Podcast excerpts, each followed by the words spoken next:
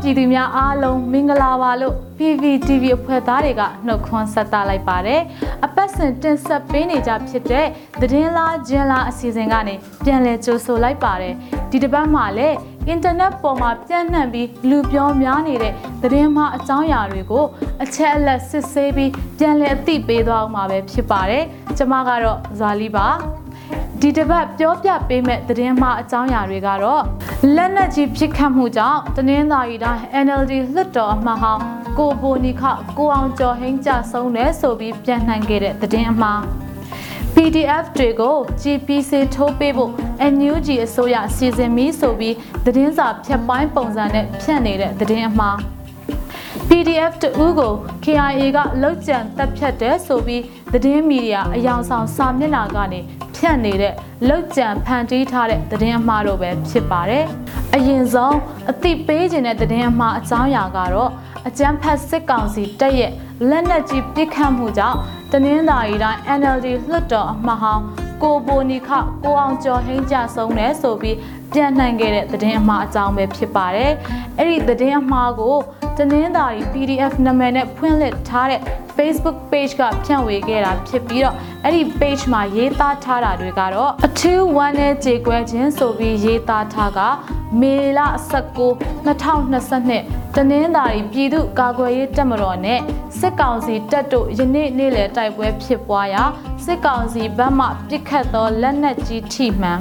ကိုဘိုနီခကိုအောင်ကျော်ဟိန်း NLD လွှတ်တော်အမတ်ဟောင်းသည်တိုင်းပြည်အတွက်အသက်ဆွန့်သွားရာမိမိတို့ဂုံယူဝမ်းနည်းမိပါကြောင်းမိဘပြည်သူများကိုအတိပေးဖော်ပြအပ်ပါသည်ဆိုပြီးရေးသားဖြန့်ဝေခဲ့တာဖြစ်ပါတယ်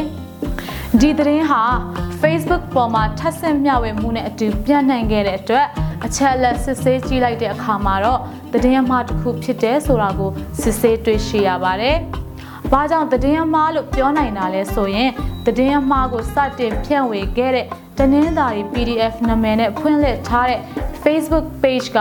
အယောင်ဆောင်ဖွင့်လှစ်ထားတဲ့စာမျက်နှာအတူပဲဖြစ်ပါတယ်။ဒီသတင်းမှားကြောင်းကိုလည်းတနင်္သာရီပြည်သူ့ကာကွယ်ရေးတပ်မတော်ရဲ့ Facebook တရားဝင် Facebook page ဖြစ်တဲ့ တနင်္သာရီ Defense Force ကနေပြန်လည်ဖြည့်ရှင်းတုံ့ပြန်ထားပါတယ်။ဒါအပြင်ကာယကံရှင်ဖြစ်တဲ့ကိုအောင်ကျော်ဟိန်းရဲ့အပြာရောင်အမှန်ချစ်ပါတဲ့ Facebook အကောင့်ကနေလည်းနေကောင်းကျမ်းမာချမ်းကိုပြန်လည်ဖြည့်ရှင်းထားတာတွေ့ရပါတယ်။ဒါကြောင့်လူမှုမီဒီယာတွေပေါ်မှာပြန့်နှံ့ခဲ့တဲ့သတင်းအမှားဖြစ်တဲ့အကြမ်းဖက်စစ်ကောင်စီတပ်ရဲ့လက်နက်ကြီးပစ်ခတ်မှုကြောင့်တနင်္သာရီတိုင်း NLD လွှတ်တော်အမှတ်ဟောင်းကိုဘိုနီခ ကိုအောင်ကျော်ဟိတ်ကြဆုံးတယ်ဆိုတဲ့သတင်းကသတင်းအမှားဖြစ်ကြောင်းကိုအသိပေးလိုက်ပါတယ်။နောက်ထပ်အသိပေးခြင်းတဲ့သတင်းအမှားတစ်ခုကတော့ PDF တွေကို GPC ထိုးပေးဖို့ NUG အစိုးရစီစဉ်ပြီးဆိုပြီးသတင်းစာဖြတ်ပိုင်းပုံစံနဲ့ဖြန့်နေတဲ့သတင်းအမှားပဲဖြစ်ပါတယ်။အဲ့ဒီသတင်းအမှားကိုအကြမ်းဖက်စစ်တပ်ထောက်ခံအားပေးတဲ့စစ်လော်ဘီအကောင့်တွေစာမျက်နှာတွေကနေဖြန့်ဝေခဲ့တာဖြစ်ပါတယ်။ မလ19ရက် NUG CRPH အထူးအစည်းအဝေးမှာ Zoom meeting မှာအမျိုးသားညီညွတ်ရေးအစိုးရကျန်းမာရေးနဲ့ပညာရေးဝန်ကြီးဌာနရဲ့ခိတ္တပြည်ထောင်စုဝန်ကြီးဖြစ်တဲ့ဒေါက်တာဇော်ဝေဆိုးကကြည်ပြည်စေတီထွင်နေပြီးရာခိုင်နှုန်းပြအောင်မြင်ရန်အချိန်သိမ့်မလို့တော့ကြောင်း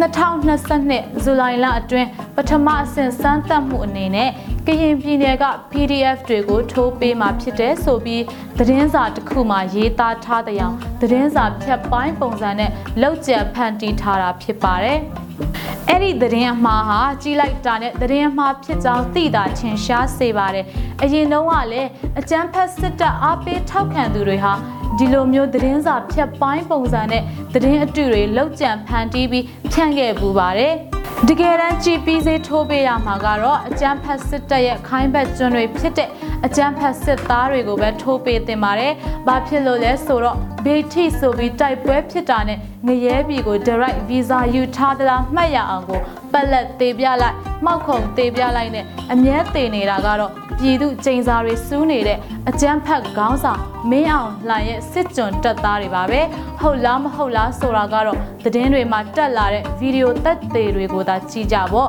ဒါကြောင့်အရင်မရအဖက်မရပောက်ကရသတင်းတွေကိုတင်မဲ့အစားရှေ့တန်းရောက်နေတဲ့အကြမ်းဖက်စစ်တပ်တပ်သားတွေအတွက်အကြမ်းဖက်တပ်ထဲမှာငပြောပင်များများစိုက်တာကမှ ပိုပြီးအကျိုးရှိပါလိမ့်မယ်မွေးကားပွဲတွေကအစမပြတ်ကျွေးနေရတော့ငပြောဦးမလောက်မှဆိုလိုပါငပြောဒီလဲစားရမွေးကားချက်လဲအသုံးတဲ့ကဲဘလောက်ကောင်းလဲ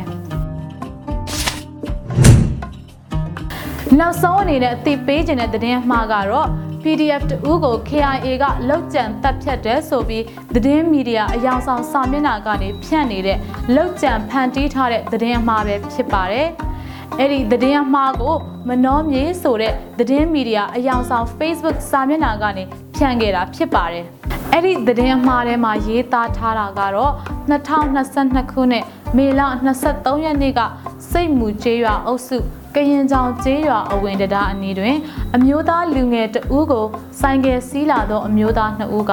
အနီးကပ်တနက်ဖြင့်လှုပ်ကြံတက်ဖြတ်ခဲ့သဖြင့်နေရာ၌ပင်သေဆုံးသွားခဲ့ကြောင်း လောက်ကျန်တက်ဖြတ်ခံရသူအမျိုးသားမှာရခင်က NLD ပါတီဝင်အောင်ဟိမ့်မင်းရဲ့စီးရုံးခေါ်ဆောင်မှုကြောင့် KIA တပ်ရင်း6တွင်စစ်တပ်နှန်းနှင့်အဖောက်ခွဲရေးတပ်နှန်းတက်ရောက်ခဲ့ဘူးသူတဦးဖြစ်ကြောင်းနောက်ပိုင်းတွင် KIA မှ NLD ပါတီမှဒေါက်တာမျိုးတန်းခေါင်းဆောင်သည့် PDF အဖွဲ့နှင့် အောင်ဟိမ့်မင်းခေါင်းဆောင်သည့် PDF အဖွဲ့တို့မှ PDF အဖွဲ့ဝင်အချို့အား KIA မှလက်နက်အချို့ပြန်လည်ဖြုတ်သိမ်းခဲ့သည့်ဖြစ်စဉ်ဖြစ်ပွားပြီးနောက် PDF အဖွဲ့ဝင်အချို့သည် နေရအသီးသီးသို့ပြန်သွားခဲ့ကြောင်းယခုကာလအတွင်း KIO KIA အနေဖြင့် တက်မတော်ရဲ့ထိုးစစ်ဆင်တိုက်ခိုက်လာမှုကိုကာကွယ်ရန်အတွက်လူအင်အားလိုသောကြောင့် PDF တင်နန်းစင်းများအားပြန်လည်ခေါ်ယူရာတွင် လိုက်ပါရန်ညှင်းဆန်သူများကိုယခုကဲ့သို့စံနမူနာပြလှုပ်ကြံတပ်ဖြတ်ခြင်းဖြစ်နိုင်ကြောင်းအဲ့လိုရေးသားထားပါတယ်။ဒီအကြောင်းအရာကိုအချက်အလက်စစ်ဆေးကြည့်လိုက်တဲ့အခါမှာတော့လောက်ကြံဖန်တီးရေးသားထားတဲ့သတင်းအမှားဖြစ်တယ်ဆိုတာကိုစစ်ဆေးတွေ့ရှိရပါတယ်။ ဘာကြောင့်သတင်းအမှားဖြစ်တယ်ဆိုတာကိုပြောနိုင်တာလဲဆိုရင်တော့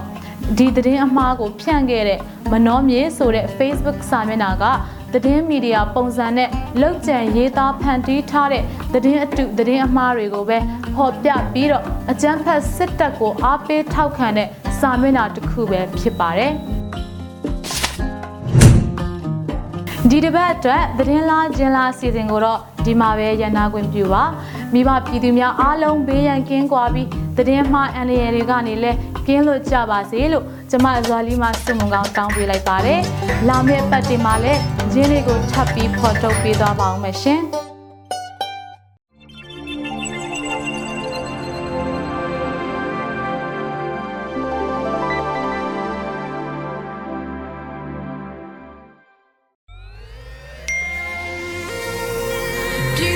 PPTV ကမျိုးတော်လိုင်းရေးဆိုင်ရာအစီအစဉ်ကောင်းတွေကိုရည်စည်တင်ဆက်ပေးနေရရှိပါတယ်။ PPTV ကထုတ်လွှင့်တင်ဆက်ပေးနေတဲ့အစီအစဉ်တွေကို PPTV ရဲ့တရားဝင် YouTube Channel ဖြစ်တဲ့ youtube.com/ppptv မြန်မာကို Subscribe လုပ်ကြည့်ရှုပေးကြရဖြင့်တော်လိုင်းကိုတစ်စက်တအားဖုန်းမှုပြည်ပေးနိုင်ပြီဖြစ်ကြောင်းသတင်းအောင်ပါလိုက်ပါရရှင်။စိတ်ရက်ကလစ်တွေနဲ့တော်လိုင်းရေးကိုနိုင်တဲ့ဘက်ကထိတ်ဆက်အားဖြစ်လိုက်ကြအောင်ပါ။အရေးတော်ပုံအောင်ရမည်